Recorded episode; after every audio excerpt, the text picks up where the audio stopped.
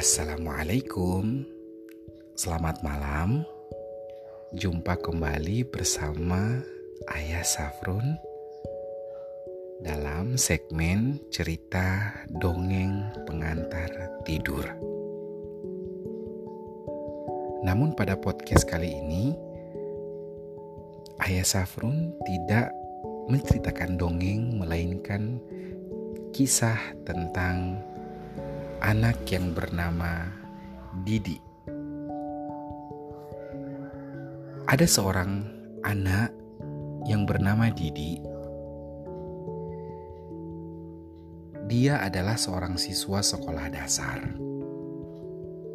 Tahu nggak? Dua kali Didi tidak naik kelas banyak dari teman-temannya yang mengejeknya, tapi seperti biasa, Didi terlihat cuek dan tidak pernah peduli. Di sekolah dia mempunyai julukan si Bobo. Tahu nggak kepanjangan si Bobo? Bobo artinya bocah bodoh. Hei Bobo, kamu sudah mengerjakan PR belum? Bentak si Wawan sang ketua kelas. Memangnya ada PR, Wan? Tanya Didi sambil bingung. Dasar bobo, PR-nya matematika. Jawab Wawan. Waduh, aku lupa nih Wan. Jelas Didi. Cepat dikerjakan dulu PR-nya, nanti keburu bel masuk. Suruh Wawan. Kemudian, kring kring kring bel masuk sudah berbunyi. Kemudian Pak Bagus selaku wali kelas memasuki ruangan kelas. Selamat pagi anak-anak. Sapa Pak Bagus. Selamat pagi juga Pak. Jawab anak-anak serentak.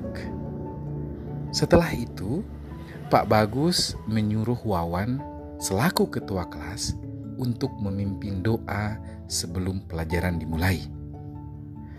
Sekarang, kumpulkan PR kalian di atas meja, suruh Pak Bagus. Siapa yang belum mengerjakan PR? Tambah Pak Bagus. Saya Pak, Didi tunjuk jari. Ya ampun Didi, sudah berapa kali kamu tidak mengerjakan PR? Sekarang kamu maju ke depan. Bentak Pak Bagus. Pak Bagus menyuruh Didi mengerjakan PR-nya di papan tulis. Didi seperti orang bingung. Dia tidak bisa mengerjakan apa pun tentang PR yang di, yang disuruh itu. Pak Didi kemudian menggeleng-gelengkan kepala melihat Didi. Apa kamu harus tinggal kelas lagi, Didi? Tanya Pak Bagus. Didi pun hanya terdiam seribu bahasa. Wawan, kamu sekarang duduk di sebelah Didi. Kamu kan juara kelas. Kamu bisa mengajari Didi. Suruh Pak Bagus. Siap Pak, jawab Wawan. Pelajaran pun dilanjutkan ke materi berikutnya. Teman-teman sekalian, jangan pernah malas belajar agar teman-teman yang lain tidak mengejekmu saat kamu tidak bisa apa-apa.